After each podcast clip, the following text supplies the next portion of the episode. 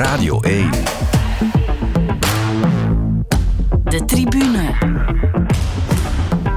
Jonathan Mettepenningen. Een hele goede avond en welkom in de tribune. Het was een druk voetbalweekend met twee toppers. Eentje in West-Vlaanderen en eentje in Limburg. En goed, het was een klein verschil, maar Genk verliest wel voor een tweede keer van Antwerpen na de beker nu ook in de competitie.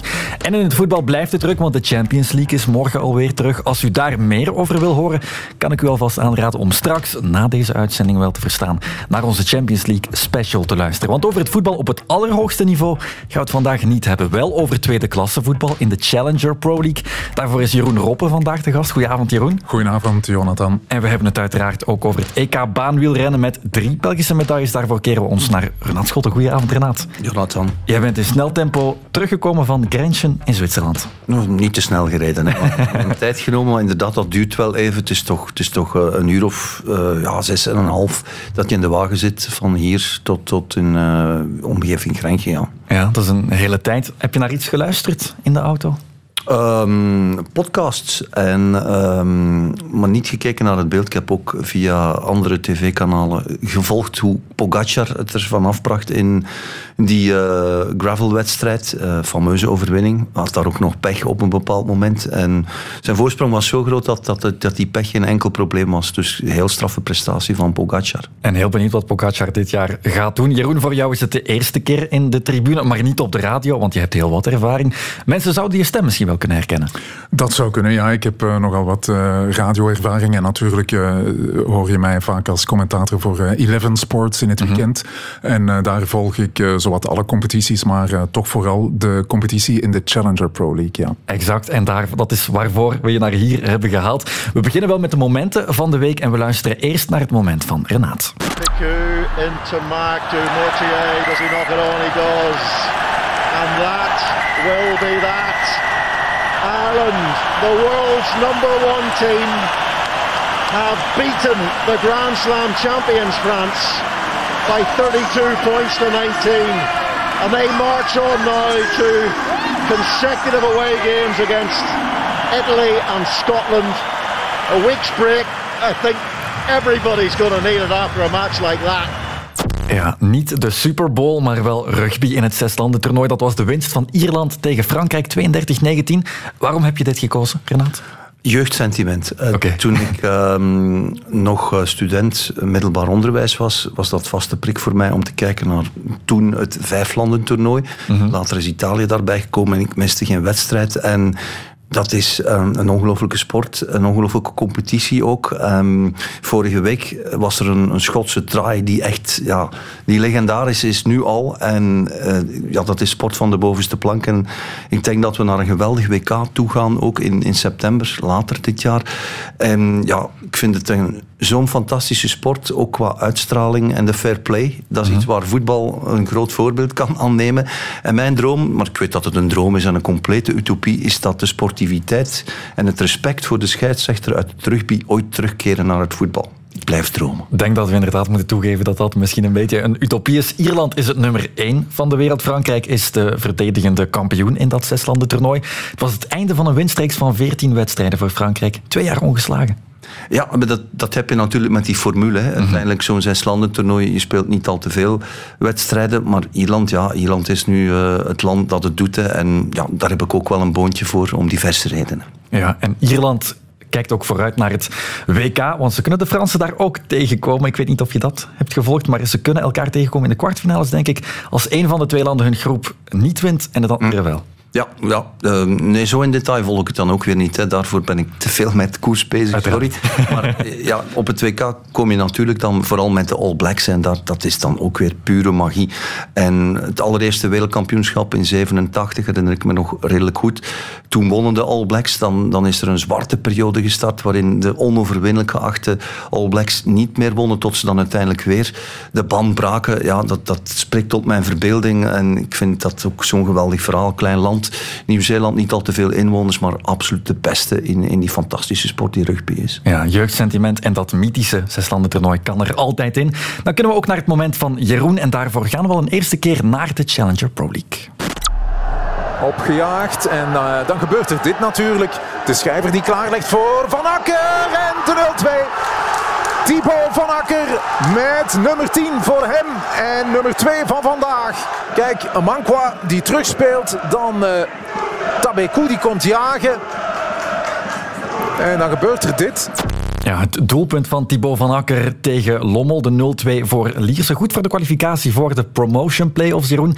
Waarom heb je dit als moment gekozen? Ja, omdat het een uh, heel mooi Challenger Pro League moment was, vond ik. Het was ook een goede wedstrijd uh, afgelopen zaterdag tussen uh, Lommel en Lierse. Een alles of niks wedstrijd. Een, een wedstrijd waarin heel veel op het spel stond.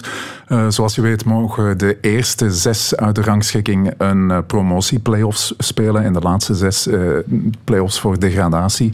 En uh, het was echt voor de twee teams, uh, Lierse en Lommel, de absolute ambitie van bij het begin van het seizoen om die promotieplayoffs te spelen. Het was echt uh, een must eigenlijk voor de beide clubs.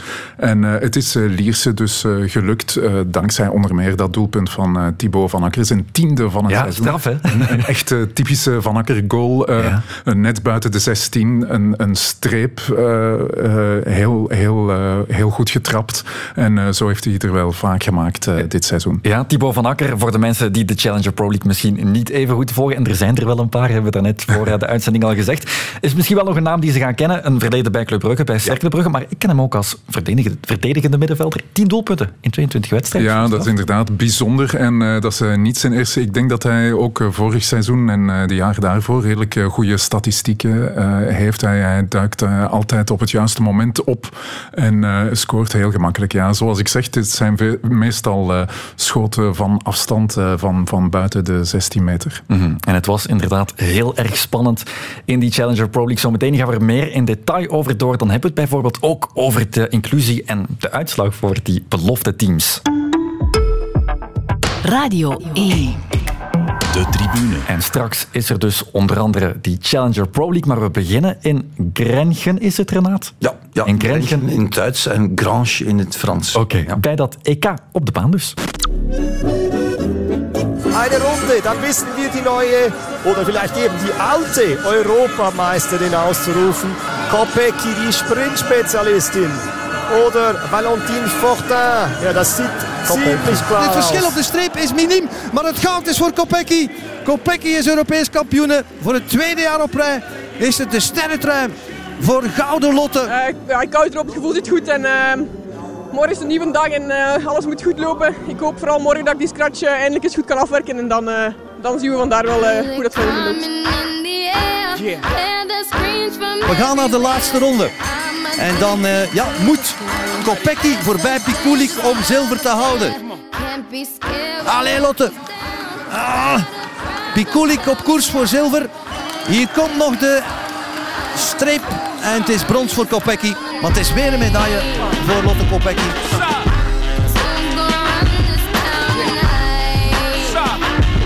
Ja, nou weer uh, redelijk slecht. Mindere scratch. Uh, ja, ben ik toch wel blij dat ik nog op het podium raak. Uh, het is Lotte wel een Olympisch nummer, dus ehm, dan is een medaille wel heel belangrijk. Voor volk en vaderland. En daar gaat Bos uit. Het zilver ligt voor het oprapen voor Bosuit. Ideale situatie. Lenné zit veel te ver. Straf, ingaan laatste ronde. Bossuit die vol voor de 10 punten gaat. Ja, geweldige versnelling van Shari Bossuit op weg naar de titel van vice-Europees kampioene. De titel is voor Stemberg, maar het zilver gaat naar België. Knappe prestatie van Shari Bossuit. Was misschien de sterkste, maar misschien niet de slimste. Ja, de eindbalans daar op dat EK baanwielrennen leest als volgt. Eén keer goud, één keer zilver, één keer brons. Mooi geschrankt tussen Kopecky en Bossuit. En de vrouwen zijn de hoofdleveranciers, Renat. Alleen maar medailles gescoord door de vrouwen. Drie medailles, dat zijn er twee minder dan op het vorige EK in, in München. Maar dit Europees kampioenschap is veel belangrijker, omdat dit de start is van het Olympisch kwalificatietraject richting Parijs. En ook hoopgevend zijn alle Belgische records die gesneuveld zijn op de teamsprint bij de vrouwen. Fantastisch project. Um, op de ploegenachtervolging, een Kersves Belgisch record op de individuele achtervolging met Noah van den Branden ook.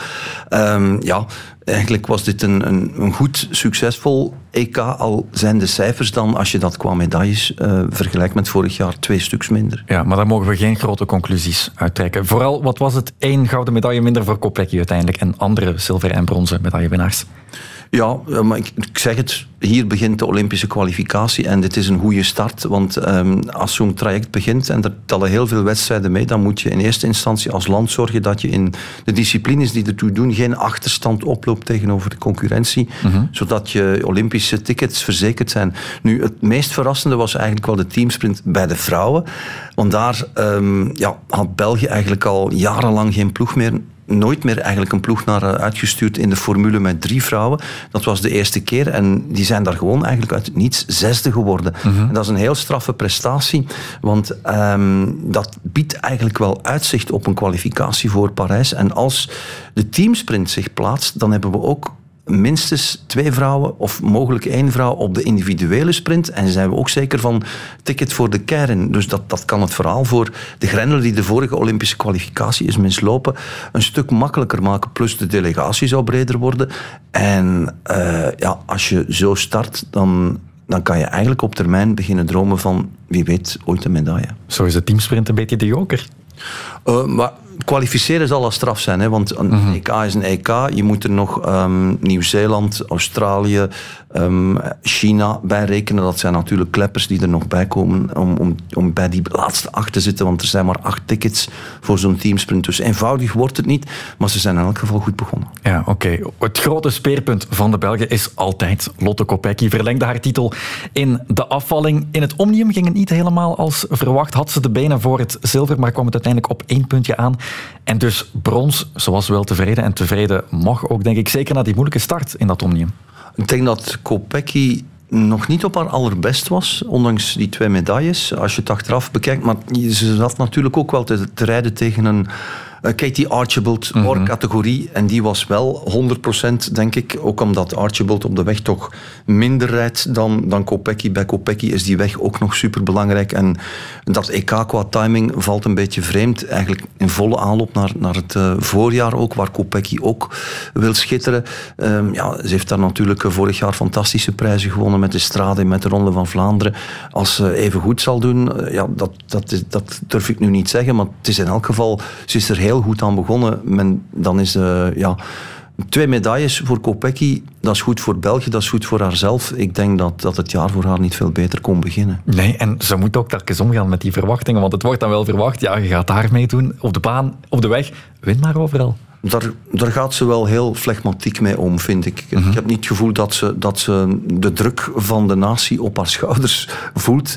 Al wordt dat natuurlijk met elk toernooi een beetje groter. Want ik merk dat ook aan het aantal vragen dat ik dan krijg van alle platformen om, om voor VRT verslag uit te brengen. Je voelt dat de figuur Kopecky iets losmaakt. En dat is eigenlijk alleen maar goed voor het baanwielrennen bij uitbreiding. Absoluut. Ze had het in de montage ook over haar scratch. Dat heeft daar misschien een beetje genekt in het omnium inderdaad. En ze zegt ook wel, ja, ik weet hoe het moet, maar toch lukt het maar niet. Ja, klopt. De scratch is een moeilijk interpreteerbaar nummer en ze liet zich daar eigenlijk ringeloren voor een vrouw met haar erelijst en, en capaciteiten was dat uh, bijna niet te bevatten. En terwijl ik erop zat te kijken, dat was de, de eerste sessie van de dag, dacht ik van, volgens mij is, is Lotte gewoon geen morgenmens. Maar ze heeft dat dan ontkracht in het interview en zei, ja, ik ben wel degelijk wakker genoeg. Het heeft daar niks mee te maken. Dus misschien is, ja, wat het is, weet ik niet. Is het gewoon een beetje minder risico nemen op dat moment, want het is wel op de limiet. En, en als dan die snelheden omhoog gaan, je wil eigenlijk in dat eerste nummer wil je niet dat je om nu meteen voorbij is. Wat soms wel eens gebeurt. Uh, valpartijen en zo, en zo meer, die wil je vermijden. In het mhm. verleden heeft ze ook uh, een paar keer pech gehad. In dat, ja, die scratch, het is een zwart beest. Ik weet dat dat geen correct Nederlands is, maar zwart. Um, uh, ze, ze, zal er wel iets aan doen en ik ben ervan overtuigd dat dat tegen Parijs in orde komt. Zeker. Ehm, dan was er ook nog de ploegkoers. Ze heeft veel gedaan, Kopecky. Dat was samen met Shari Bossuit. Ze werden vierde, maar opnieuw op een zucht van brons nu. Ja, dat is waar. Er waren veel, net niets, veel vierde, vijfde en, en zesde plaatsen. Maar dat zijn de details. Hè. En nogmaals, het belangrijkste was niet um, het aantal medailles, maar waren de, de, de, punten voor het Olympisch kwalificatietraject. En dan moeten, mogen we dit EK ook niet overschatten. Want in de eindafrekening is een EK minder waard dan de Nation Cups die er zitten aankomen. Mm -hmm. De vroegere wereldbekers. Er is er van de maand nog eentje in Jakarta, Indonesië. Er is er binnenkort eentje in, in Milton, Canada. En um, die Nation Cups, zo zijn er zes de komende twee seizoenen. En de vier beste resultaten daarvan die tellen mee. En hebben meer gewicht in de Olympische weegschaal dan de twee EK's die we hebben. Ja. Aanloop Parijs, volgend jaar nog een EK in Apeldoorn. En het allerbelangrijkste is dan natuurlijk het Super WK, ook met baanwielrennen, komende zomer in Glasgow. Gaan ze naar die Nations Cup ook in de sterkste bezetting? Ehm, delegatieleider Koen Beekman kinkt dat heel ehm, uitgekiend uit. Kan het niet anders omschrijven. Hij probeert daar gewoon met de, eh, de investeringen die ze daar ook doen, want dat het is vooral een grote financiële investering, met hoeveel mensen gaan we naar welke locatie. Je hoeft ze niet allemaal te rijden. Je twee beste resultaten per seizoen tellen mee.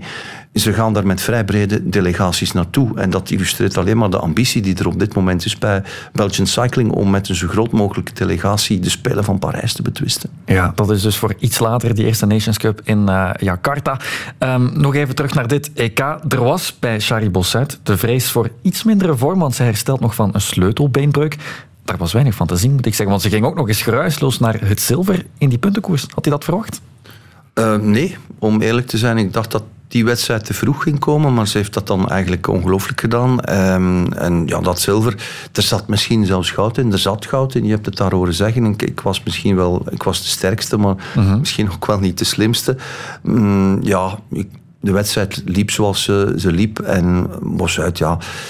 Ze zijn wereldkampioens koppelkoers nog altijd, hè, dus... Um, ik denk dat Glasgow een heel belangrijk moment wordt richting uh, Parijs. Ja, toont ook wel heel wat mentale veerkracht, denk ik, bij Bossuit om ja, niet na te denken over die blessure waarschijnlijk en voluit te durven gaan. Maar dat zit in het kopje bij, bij Charlie Bossuit helemaal goed. Hè. Mm -hmm. Ze is ook um, ja, haar vriend Gerben Thijssen is, is ook wielrenner, ook pistier, heeft in het verleden een zware val gehad. Ik denk dat ze binnen het koppel daar wel heel goed weten om te gaan met pech.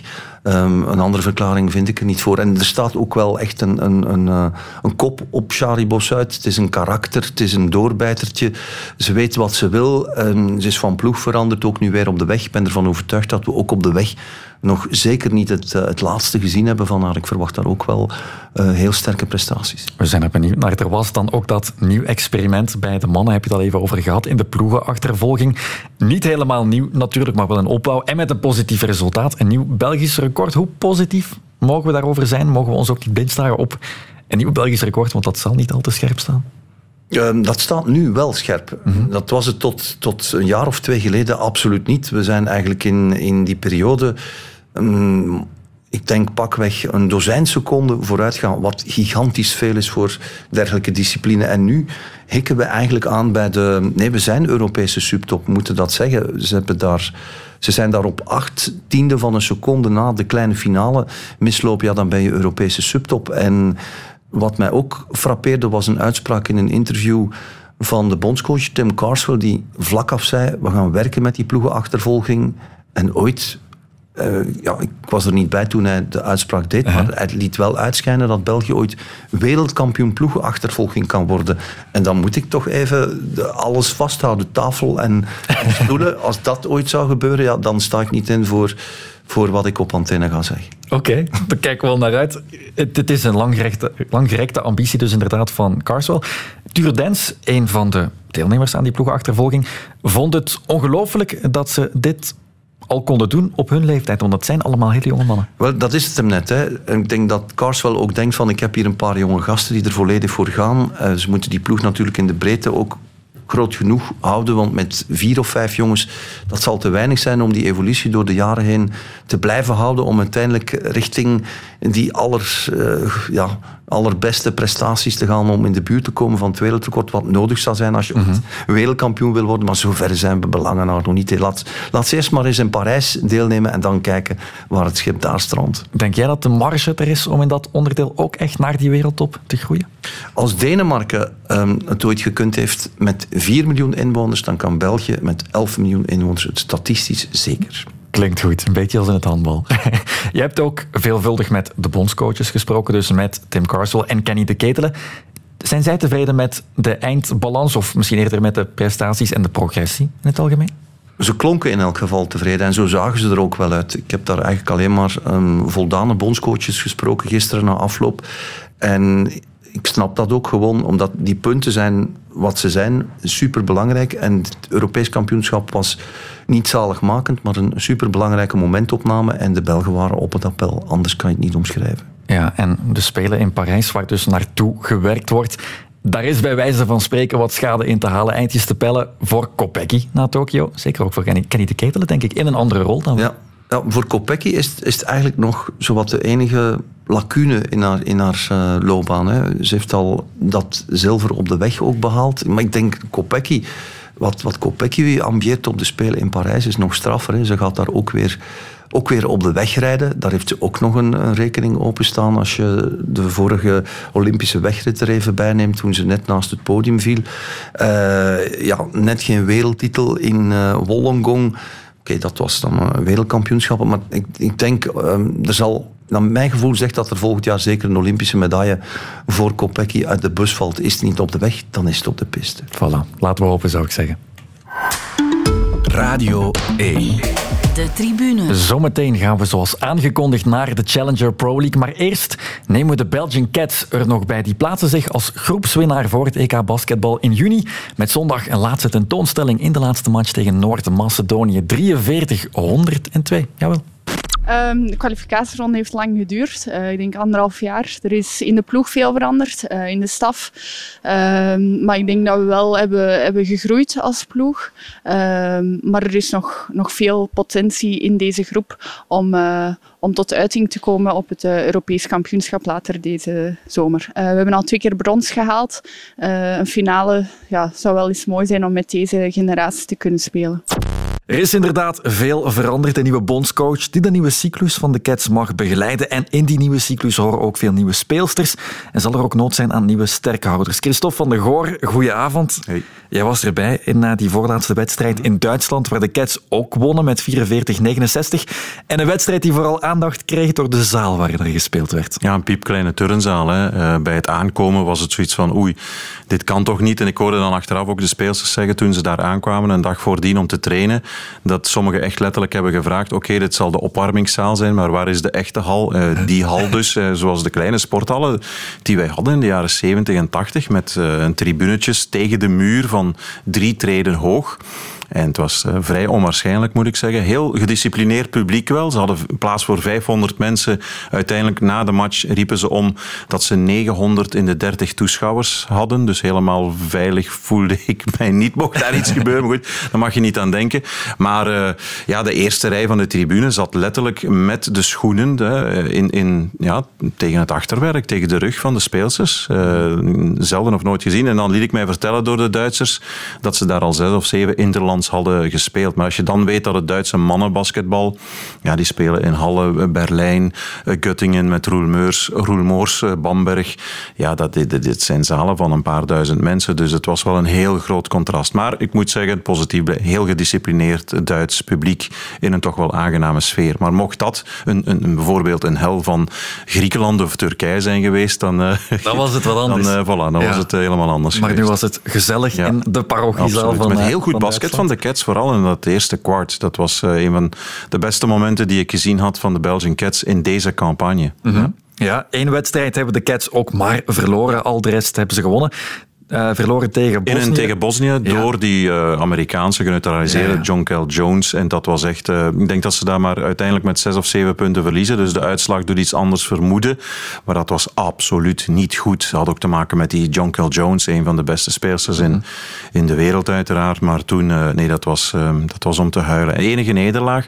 De andere tegenstanders uiteraard kan je de vraag bij stellen. Wat is daarvan de echt grote waarde? Hè? Mm -hmm.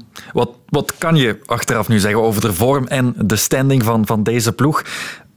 Kan, je daar te weinig over zeggen met het niveau van de tegenstanders? Ik denk dat dat een terechte vraag is. Dat is uh, wat uh, Emma Meeseman mij ook antwoordde toen ik die vraag stelde afgelopen week na de Interland tegen Duitsland. Uh, Emma Meeseman antwoordt altijd heel correct en juist op je vragen. En ze zei ook van het is nog altijd afwachten waar we precies staan met dit team. Dit nieuwe team en een aantal jonge speelsters die wel zijn gebracht mm -hmm. in eerste instantie door de vorige bondscoach Valérie de. Het is ontslagen, dat weten we. Nu ook nog een, een voortgang onder de, de nieuwe coach. maar waar staan ze tegen grote tegenstanders uit Europa voor het komend EK in juni tegenover Frankrijk en Spanje bijvoorbeeld? Dat is nog een vraag waarop niemand op dit ogenblik een antwoord kan geven. Duitsland, ja, men zei hè, vooraf opkomend team, niet meer onderschatten. Ja, dat is waar. Kwalitatief was er een groot verschil. Maar als je dan positief kijkt, ik was vooral onder de indruk van het eerste kwart. Heel goede balcirculatie. De goede opties werden gevonden. De open spots, het, open shot bijvoorbeeld. Of de drive naar de korf. Heel goede verdediging ook van uh, Maxwell Lissoa. Mhm. Eh, dat zijn echt positieve dingen. En ja, Emma Meeseman blijft fenomenaal vind ik. Ja, ze maakt weer bijna 20 punten, maar ook die kleine dingetjes die niet zo fel opvallen op tv bijvoorbeeld. Een hand nog die komt storen, een bal die wordt weggeduwd door haarzelf, het duiken naar in de hussel. Um, ja, dat is, uh, het is een en al basketbal. Emma Meeseman, zij is nog altijd eh, de grote leidster, uh, mentaal, maar ook vooral fysiek en sportief. Ik vind, het, blijf het indrukwekkend vinden. Ze moet ook wel, hè, want er zijn veel nieuwe speelsters bijgekomen. Er is nog een De Lager, er is nog een Julie van Loo, allemaal ook als ze weer terug terugkomt. Voor de rest is het nu kijken naar een Hint Ben Abdelkader, die ook terug is. Becky Messi kom je ook al snel bij. Waar ligt het potentieel van deze kern als we eerst en vooral naar het aankomende EK kijken? Ja, jij noemt er al een paar. Dat zijn al belangrijke factoren. Uh, Julie Almond geblesseerd, uh, toch een beetje in de gaten houden. Die komt normaliter terug. Dan heb je op die point guard, de spelverdeler, echt wel uh, wereldklasse uiteraard. Um, Serena Lin Geldof op de centerpositie mm heeft het tegen Duitsland en ook gisteren goed gedaan. Um, ja, een begin van de wedstrijd moeilijk tegen Duitsland, maar dan laatste kwart helemaal heropgeleefd. Goede rebounds gepakt vrijworpen, uh, durf naar de korf. Dat is iemand die aan het groeien is, ook in haar competitie in Spanje. Uh, dan heb je het over Nastja Klaases. Uh, eh, 19 jaar, heeft daar debuut gemaakt tegen Macedonië in, in de sportoase in Leuven in het najaar. Meteen binnengekomen, een paar complexloos punten gemaakt. Dat is echt een wissel voor de toekomst. Dan heb je Ine Joris, die ook heel goed kan basketballen, die een belangrijke rol heeft bij haar club in West-Vlaanderen. Dus ze zijn echt wel in tegenstelling, ik zou bijna zeggen, is een beetje flauw misschien, maar kort door de bocht, maar in tegenstelling tot Roberto Martinez, die dus niet heeft doorgeselecteerd naar jongeren, is dit nu bij de Belgian Cats uh, wel gebeurd.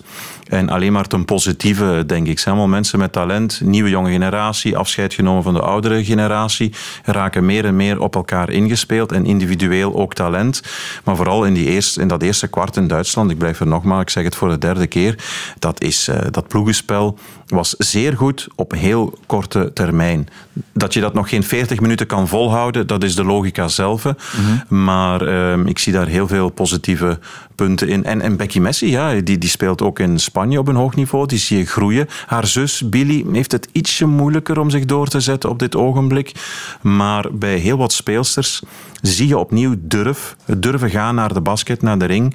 Wat onder de vorige Franse bondscoach Dumory ja, veel minder was. Heel statisch basketbal. Weinig beweging. En dat is weg. Het is echt, er zit tempo in. Met ook, en dat vind ik een heel goede zet van de Belgische Basketbalbond, twee nieuwe assistenten die uh, een heel hoog niveau hebben. Daar zit echt veel kwaliteit in. Bij Pascal Angelis heeft in onze eerste klasse bij de mannen zoals bij de vrouwen uh, als een strepen verdiend. En Gilles Laurent ja, is al jaren assistent van uh, Eddie Kasteels. Dus die leert het vak bij een van de, de allergrootsten. In de staf zit het dan goed. De Laren zei daarnet zelf, um, na twee keer brons zou een finale leuk zijn. Mhm. Is dat realistisch? Ja, ik denk dat, ja, is dat realistisch? Dat moet dus terugkerend op het antwoord van Emma Meeseman, die dat zelf voelt van in de groep. Wat zijn we waard op dit ogenblik tegen de echt grote tegenstanders? Maar het zou maar eens moeten komen nu eigenlijk, hè, eh, die grote prijs. Eh, om ook vooral komaf te kunnen maken met die enorme uh, deceptie, ontgoocheling na Tokio, de Olympische mhm. Spelen. Dat, dat, dat merk je ook nog um, bij Meeseman. Dat is zo'n grote ontgoocheling geweest. Die tabel zat juist, de tegenstanders waren juist. Dat, dat had het van je moeten zijn worden, die medaille. Als je dat nu met een goede prijs kunt achter je laten op een EK, dan is dat vergeten. En dan kan men kijken naar volgend jaar Olympische Spelen, als het belieft. Hè. Dus de eerste zes van het EK naar zo'n Olympisch kwalificatietoernooi. Dat is ook altijd weer spannend. Maar dat zijn wel de doelen op korte termijn. En ook het contract van, van de nieuwe coach loopt tot en met de volgende campagne, 2024. Zoals gezegd, eh, die man heeft ook al ervaring. Die was ook assistent van de Franse nationale ploeg in Tokio. Dat is ook al een voordeel, vind ik. En dan die twee goede assistenten erbij. Ehm, ja, ja, ik zie dat eigenlijk wel goed komen. Onder leiderschap, van, van Emma Meeseman. Maar dan moet iedereen wel, um, en een Julie Almond, terug helemaal op top zijn. En dan is er wel veel mogelijk met deze groep voor de toekomst. De doelen zijn duidelijk tot 2024, eerste TK en uiteindelijk dan de Spelen. Benieuwd wat de Cats kunnen, dat EK dus in juni, over vier maanden al. Dankjewel, Christophe. Met plezier. Radio 1. De tribune. En dan zijn we aangekomen bij die Challenger Pro League, het tweede voetbalniveau in ons land. Bij de mannen voor wie de cryptische uh, verengelsing niet kan smaken. Daar werd de reguliere competitie dit weekend afgesloten. Het ziet er momenteel goed uit voor Lierse en Deinze in de strijd voor de promotieplayoffs. Want Deinze leidt met 1-0 tegen de Futures van Anderlecht. En Lierse ja, heeft die goede positie nog wat extra benadrukt, zal ik maar zeggen, Olivier bij Lommel. Exact, zo mag je het helemaal zeggen. Want Thibaut van Akker heeft er in de 18e minuut, vier minuutjes geleden dus ongeveer, heeft hij er 0-2 van gemaakt. Een beetje geklungel achteraan bij Lommel en de doelman. De situatie is net veranderd in Deinze Anderlecht. Ja, de thuisploeg in de problemen, want het staat 1-1. De Wilde, de invaller, heeft uh, gescoord op paas van Sadiki. En Anderlecht ruikt bloed en gaat nu ook door. Uh, deze stand hebben, dan zouden Lierse en Lommel normaal gezien die tickets voor de promotie-playoffs pakken. Olivier de Wilde, beseffen ze dat daar in? Ja, ik, ik weet het niet, we zal het al wel beseffen, maar uh, ondertussen moeten we wel terug naar de andere kant van het land. Ja, want uh, we moeten niet meer tellen, want Anderlecht staat voor. En dan wil dat zeggen dat Anderlecht nu toch wel uh, zeker zal zijn, want dan komen ze met drie punten erbij. Momenteel, maar het is weer veranderd de situatie, Simon? Ja, het is 2-2 geworden. Jur Schrijvers, de invaller op het kwartier voor het einde. Deinze opnieuw in leven. Maar wel... De situatie verandert weer in Deinze Anderlecht, Simon. Ja, het is Anderlecht dat opnieuw op voorsprong staat. Want Angulo heeft gescoord. Een zeer mooie trap. Hij kreeg die bal daar net buiten de 16. En zo is het gebeurd.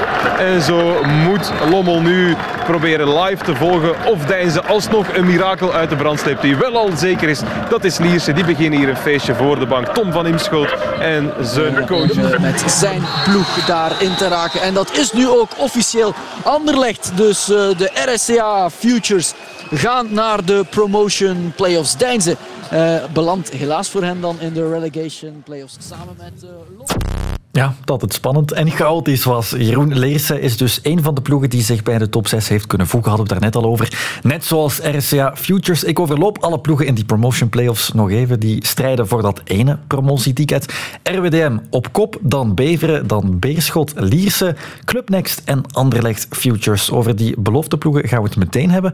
Maar laten we aan kop beginnen. Uh, RWDM dus, dat vorig seizoen op een haar na promotie miste in een duel met Seraing. Twee jaar op rij aan kop blijven, dat klinkt misschien makkelijk, maar in snel veranderende omstandigheden is dat misschien niet het geval. Nee, maar uh, voor alle duidelijkheid, uh, ploegen behouden hun puntenaantal ja, in, in, de Challenger Pro League. Want dat is ook voor, niet voor iedereen heel duidelijk. Hè. Zowel in de promotieplayoffs als in de degradatieplayoffs behoud je je aantal behaalde punten. En in het geval van RWDM ziet het er inderdaad goed uit. Want zij starten de playoffs als leider met drie punten meer op Beveren. De grote uitdager, zeg maar. En Beerschot staat al op intussen acht punten, mm -hmm. geloof ik. Heeft dus een uh, heel serieuze tik gekregen gisteravond in de topper van RWDM verloren met het kleinste verschil. Dus uh, ja, voor RWDM ziet het er uh, heel goed uit. Het is een heel goed team. Ik voelde het aan bij de start van de competitie dat RWDM titelkandidaat nummer 1 was. Ze hebben een heel rijke kern. je ziet dat er ook aan de infrastructuur gewerkt is. er zit heel veel geld achter. RWDM is in Amerikaanse handen, maakt -hmm. deel uit van de, de Eagle groep met, uh, met daar nog een, een, aantal andere clubs in. Uh, krijgt daardoor ook heel wat buitenlandse spelers over de vloer, vooral dan Brazilianen, want een van die andere clubs is Botafogo. Maar de coach van RWDM, Vincent Euvraar, die doet het opvallend goed, vind ik. Die weet daar van die groep een, een heel strijdbaar geheel te maken en vooral een heel uitgekookte ploeg heeft hij ervan gemaakt. het, is, het is echt een, een ploeg die het altijd heel klinisch doet en nu aan een heel sterke reeks bezig is. Hè, van 18 op 18. ja, RWDM start in pole position en is de gedoodverfde favoriet. Ja, dat is heel straf. Inderdaad, veel puzzelstukjes die juist lijken te vallen.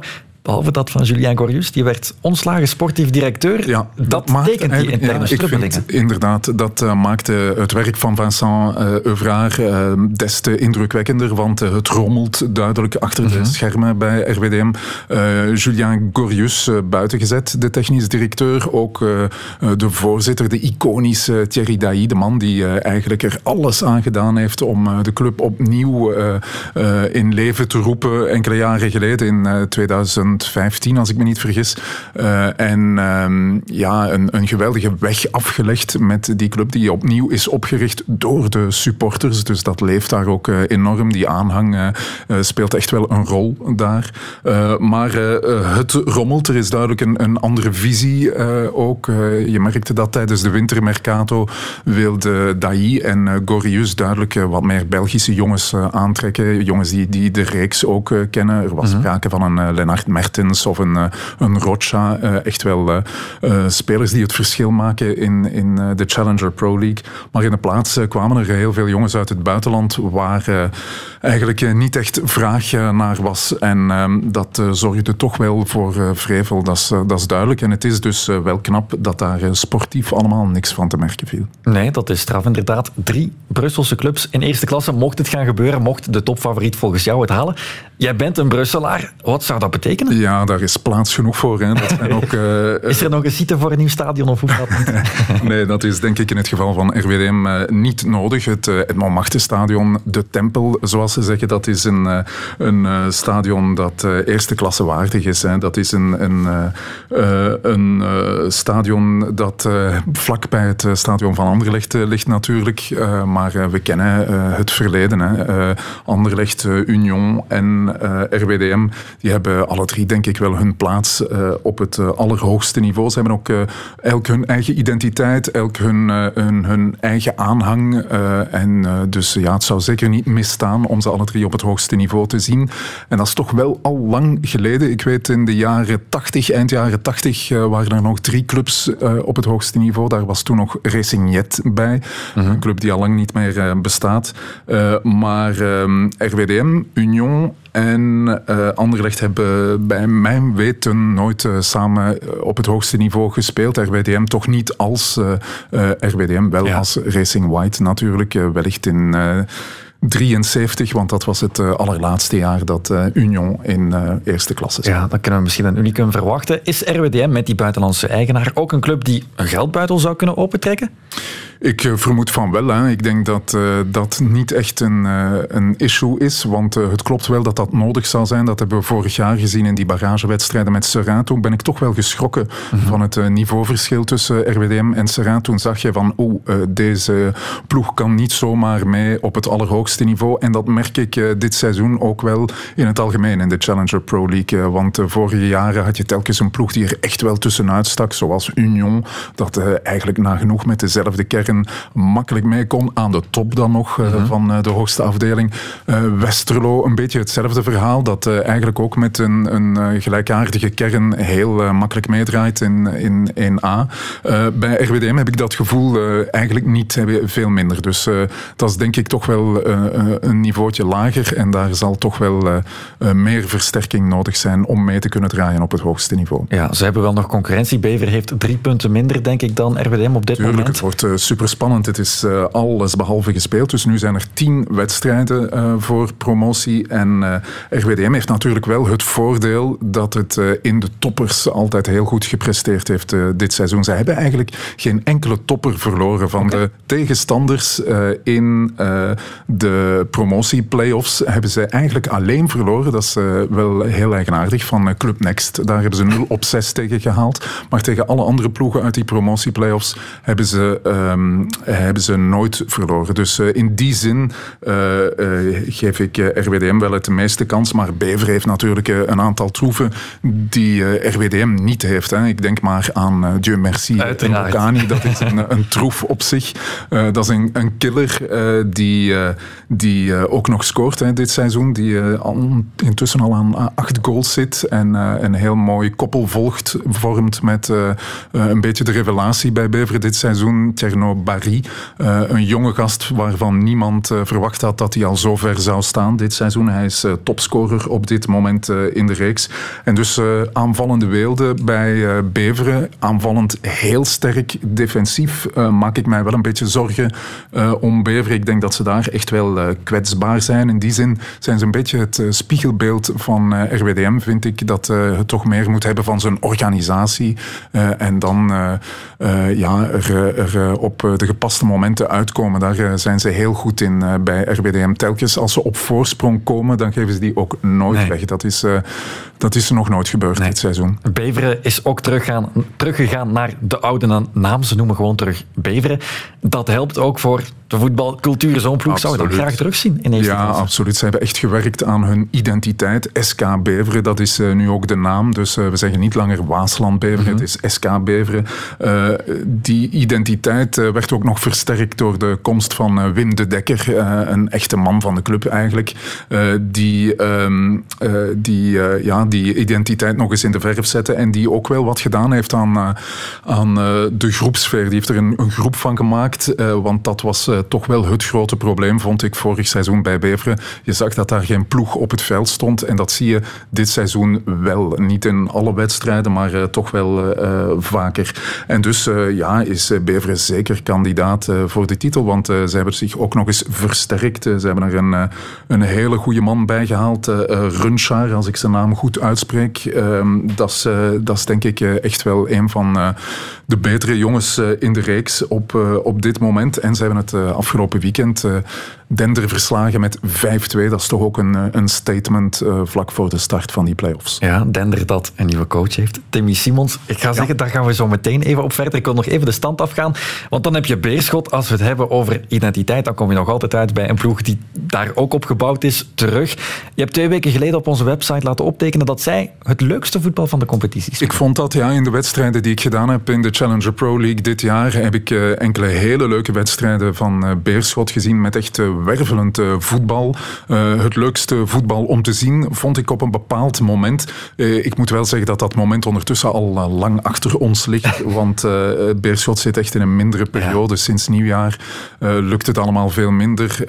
is het een beetje ja, te steriel allemaal, vind ik. Um, ik uh, vond ook dat ze wat uh, gel een gelaten indruk uh, gaven gisteren in, in die topper tegen RWDM. Maar het feit dat Beerschot nog meedoet voor die titel vind ik wel een prestatie op zich. En had niemand gedacht bij het begin van het seizoen. Want iedereen dacht dit wordt een overgangsseizoen mm -hmm. voor Beerschot. Veel nieuwe jonge Belgen daar bij Absoluut, ja. Ze hebben zich heel Belgisch ehm, versterkt met ook een nieuwe coach. Dat is dan wel een uh, Oostenrijker, maar die heeft die ploeg uh, uh, opvallend snel op de rails gekregen. En, um, en bij momenten echt heel leuk voetbal laten spelen. Maar ja, de jongste vijf matchen daarvan hebben ze er vier verloren. Dus op dit moment um, geeft Beerschot niet de beste indruk. Nee. Nee, oké. Opvallend in die top 6, dat zijn natuurlijk de belofteploegen. Club Brugge en Anderlecht, Club Next en RCA Futures, zoals we moeten zeggen. Sinds dit seizoen spelen er dus vier belofteploegen in tweede klasse. Er zijn argumenten voor, er zijn argumenten tegen. Competitiv competitiviteit snijdt langs twee kanten, heb ik het gevoel. Want de Belgische topploegen hebben zeker heel wat goede jeugd die dat niveau aan kan. Die jeugd heeft ook baat bij profvoetbal. Anderzijds zit je nu met twee ploegen die niet kunnen promoveren in de promotion playoffs. Nee, ook dat uh, even verduidelijken. Uh, promotie, dat kan niet voor die belofteploegen, maar degradatie natuurlijk wel. Ja. Hè? Dus uh, voor de belofte van Genk en de belofte van Standaard is het wel nog vol aan de bak gaan in die degradatieplayoffs, want die moeten echt wel het behoud verzekeren. en ik denk persoonlijk dat dat voor SL6 voetbalcampus, want zo heet de belofteploeg van Standaard, ik denk dat dat wel een hele moeilijke klus voor hen zal eh, worden om dat eh, behoud te verzekeren. Eh, voor Jong Genk, ik heb ze gisteren gezien, ben ik er nogal gerust op, want die, die, zijn, die zijn echt heel goed bezig. En dan natuurlijk de strafste prestatie van Club Next en van de Futures van Anderlecht vind ik bijzonder straf dat zij zich gekwalificeerd hebben voor die promotie-playoffs. Dat is, dat is echt wel knap. Ja, straf is het zeker. het, leest ook wel een beetje lullig dat je die twee ploegen in die promotion playoffs hebt, terwijl ze niet mee kunnen strijden voor promotie. Daar lees ik net veel over op, op Twitter of op andere sociale media. Een beetje, ja... Ja, ze zullen scherprechter uh, zijn, dat zeker, hè, in de titelstrijd. En uh, Club Next kan dat. Als je ziet dat ze 6 op 6 uh, eh, halen tegen. RWDM dit seizoen.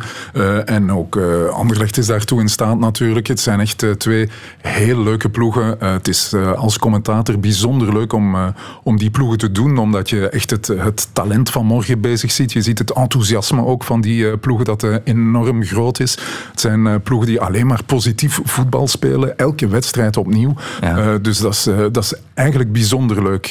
ik vind het ook tof om de progressie te zien gedurende het seizoen. Want dat zijn allemaal jongens van ja, vaak 16, 17 jaar vaak. dus dat zijn jongens die, die echt nog een enorme groeimarge hebben. En die progressie zien vind ik ook heel leuk. dus ik vind dat allemaal heel positief. Natuurlijk zijn er ook heel veel negatieve kanten aan. Bijvoorbeeld wat de beleving bij de wedstrijden betreft. Uh, als je als bezoekende uh, supporter naar zo'n belofte uh, ploeg moet gaan kijken, ja, je ziet daar heel weinig volk in dat stadion. Dat is dat is echt niet hetzelfde. Dat is, uh, qua beleving is het... Uh, is het ja. uh, je hebt bijvoorbeeld een derby tussen RWDM en RSA Futures. Ja, dat, dat leefde wel een beetje, moet ik zeggen. Ik ben naar de twee wedstrijden gaan kijken, zowel uit als thuis voor RWDM. En dat was, denk ik, qua sfeer was dat heel leuk. Maar natuurlijk, in het geval van de wedstrijd in Anderlecht was het stadion nog niet eens half gevuld natuurlijk. Dus ja, dat is niet hetzelfde als, uh, als een echte derby. Mm -hmm. Over die RSCA Futures, het rommelt ook bij Anderlecht. Bij die Futures speelt Lucas Tassin. Jonge spits, is dat iemand waarop ze een optie hadden moeten nemen? Om die misschien nu al meer uh, wedstrijden te laten spelen, minuten te laten spelen in het A-team? Ja, ik had het over uh, Barry van Beveren. Die zit aan 14 goals. Dat is evenveel als uh, Stassin. Hè. Stassin is inderdaad de topscorer in de reeks. En hij scoort aan de lopende band, inderdaad. hij scoort heel gemakkelijk. staat vaak op de goede plaats. Een opportunistische spits. En ja, die kunnen ze natuurlijk in het eerste team van Anderlecht gebruiken. Anderlecht is zo'n team, de Futures, waar je ziet dat het verloop tussen A en wel heel groot is. Dat het mhm. verschil tussen die twee teams eh, echt wel heel klein is. Uh, dat maakt het ook natuurlijk leuk om, om die ploeg te becommentariëren. Want alle spelers van de Futures zijn eigenlijk potentiële spelers ook van het, van het A-team. Dat heb je bij de andere belofte teams wel minder. er zijn een paar, ja, een voorbeeld van de doelman natuurlijk bij het begin van het seizoen, Verbrugge. Um, die nu eerste doelman is. En zo zijn er nog wel een paar voorbeelden van jongens die heel snel de stap hebben kunnen zetten. Theo Leoni is misschien ook wel een goed, eh, een goed, voorbeeld. Concluderend dat stukje over de belofteploegen. Ben jij als trouwe volger eerder voor of eerder tegen?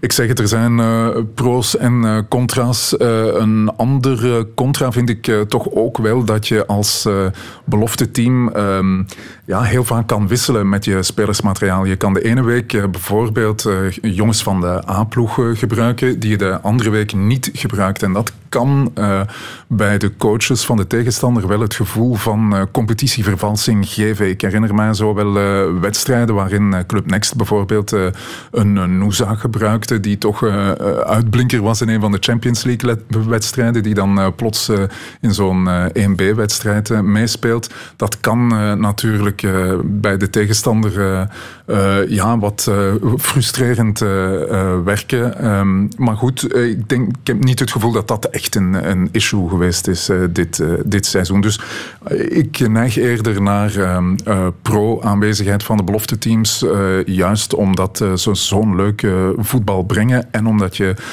talenten van morgen aan het werk kan zien. Ja, en we doen het dus zoals in Nederland. Daar doen ze het ook. Wat we daarnet al even aangeraakt hebben. Timmy Simons, dat is nieuwsheid van de naald. Die wordt de nieuwe trainer van Dender. Daarvoor was hij al trainer van Waregem samen met David de Vouw was dat toen. Verrast dat je? Ja, ik was uh, heel erg uh, verrast. In de eerste plaats ook door het uh, ontslag van Reggie van Akker, dat ik totaal onterecht vond. ik denk dat Dender het dit seizoen al bij al niet zo slecht gedaan heeft. want het is een, een ploeg die heel weinig middelen heeft. Ik denk de ploeg met het laagste budget in de hele reeks. het is een goede groep. Het is een, een groep die wat kon surfen op het enthousiasme van vorig seizoen. Want toen zijn ze kampioen geworden in de hoogste amateurklasse. Um, dus Reggie van Akker heeft het als coach zeker niet slecht gedaan bij Dender. Maar uiteindelijk toch um, ontslagen en nu vervangen door uh, een hele grote naam die uh, natuurlijk wel inspirerend kan werken voor uh, die groep. Um, hij zal het behoud moeten zien te verzekeren, Timmy Simons. Um, dus ja, heel leuk om zo'n grote naam in de reeks te hebben. Simons zal zeker indruk maken, denk ik, in de kleedkamer. En um, ja, aan de kleuren van uh, de club zal hij ook niet moeten wennen. Hè. Het is uh, blauw-zwart. uh, kan helpen. Ja, ja, kan helpen. Het is ook een ploeg met een, een fervente, kleine, maar fervente aanhang die ook wel zijn rol speelt. Ja, en die Challenger Pro League heeft dus een hippe naam. Het is ook complex. Um, het blijft ook wel een voetbalkerkhof, heb ik het gevoel. Jij zal de financiële cijfers in 1B ook wel gezien hebben. Het zijn de cijfers van vorig jaar, maar ze slaan allemaal rood uit. Ik weet het, ja, maar uh, is het verschil zo groot met de cijfers van 1A? vraag ik mij dan af. Uh, nee, het klopt. Die uh, licentievoorwaarden die zijn zeer strikt voor, voor die relatief kleine clubs eigenlijk. zijn die, denk ik, zeer moeilijk om te halen, die voorwaarden. Ehm, natuurlijk, om een competitief team aan de start te brengen, moet je al heel zwaar investeren in zo'n profcompetitie er is natuurlijk ook de aandacht die niet gigantisch is voor de reeks. Dat merk je natuurlijk op de traditionele media. Is er bijzonder weinig aandacht voor het voetbal in 1B. En dat maakt dat al die clubs nu in buitenlandse handen zijn. Hè, op één club na. en dat is Lierse. Dat is, dat is echt nog zo'n Belgische club in Belgische handen. Maar ook op het veld heel Belgisch. Ik denk dat ze met 11 Belgen speelden het afgelopen weekend of toch tien Belgen plus Tabekou, dat is iemand die de Cameroense voetbalnationaliteit heeft. Mhm. dus ja, um, het klopt dat, uh, dat, uh, dat het financieel uh, niet makkelijk is. dat is al langer zo. Hè. En je snapt waarom dat ene promotieticket inderdaad heel erg begeerd is. Renaat, jij staat er ook al een hele tijd bij. Je hebt het net over het wielrennen mogen hebben van het voetbal. Zeker tweede klasse denk ik ook niet dat jij heel veel volgt. Niet meer. Hè. Ik heb dat destijds wel gedaan, maar ik ben helemaal om door, door Jeroens Ben je overtuigd?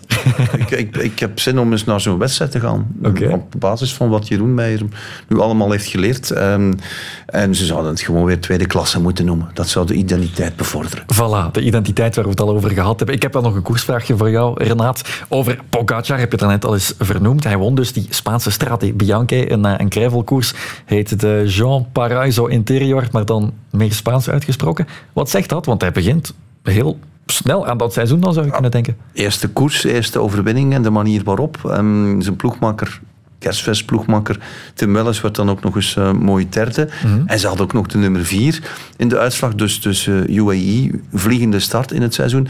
Hij gaat de ronde van zijn sponsor niet rijden. Dus geen ronde van de Emiraten voor uh, Pogacar. En dat is toch wel een primeur, want ja, absolute uithangbord van de ploeg er niet bij in de ronde van de sponsors. Dat, dat, wil wat zeggen. Hij gaat zijn, zijn programma toch wel anders indelen. Zo gaat hij ook bijvoorbeeld in plaats van Tirreno Adriatico Parijs-Nice rijden. Ik denk dat, het er, um, dat de bedoeling is om Pogacar fris in het hoofd aan toch de geëikte doelen te laten beginnen. Eén doel is die ronde van Vlaanderen op basis van wat we vandaag gezien hebben. Dan kan je hem er nu al bij schrijven. Hij was vorig jaar wellicht al de beste in de jongste editie. Uh, ik denk dat hij weer bij de favorieten zal zijn en dat hij aan de start zal komen is intussen een certitude. Dus om naar uit te kijken, Tour blijft natuurlijk het hoofddoel. En Pogacar zal daar op de afspraak zijn. Nog heel snel wat anders. Arno de Lee heeft vandaag aangekondigd dat hij ook nog de omloop uh, het nieuwsblad zal rijden na zijn mega voor, voor seizoen. Ja. Was heel goed daar. Wat kan hij daar? Wil hij daar al meteen scoren dan? Uh, ik denk van wel, of toch minstens ervan proeven. Ja, hij zou ook uh, Milan Sanremo rijden. Dus dat, dat zijn sowieso afspraken voor uh, de Lee die als een komeet naar, voren, naar boven is geschoten op de wereldranglijst via kleinere wedstrijden. We gaan hem nu eigenlijk dit seizoen voor het eerst in, in het grotere werk prominent en als, als aangeduid designated leader of kopman van Lotto Destiny zien. Ehm, ja, ik denk dat hij alle troeven heeft om, om te scoren, zowel in omloop als in Milan Sanremo. Ja, kijken we heel erg naar uit. Hij zal vertrouwen getankt hebben, dat sowieso. We zijn alweer aangekomen bij het einde van het uur. Jeroen, op het einde van de tribune kijk, blikken we altijd nog even snel vooruit. Is er iets waar jij naar uitkijkt in de komende sportweek? Uh, de komende sportweek, nu overval je mij. Er is opnieuw Champions League bijvoorbeeld. Ja, absoluut, uiteraard. Ja, Champions League, eh, uiteraard ben ik benieuwd naar wat Club Brugge zal doen tegen Benfica. Hè. Ja, en Renaat, jij? Veldrijden? Uh, nee, nee, nee, nee, dat seizoen is al een tijdje afgelopen voor mij. Ik vertrek vrijdag naar de Emiraten om dat rondje daar te ah, voilà, Dat ja. kleine rondje. Ja, Dan kan ik jullie alleen nog maar bedanken. Renaat Schotten en Jeroen Roppen.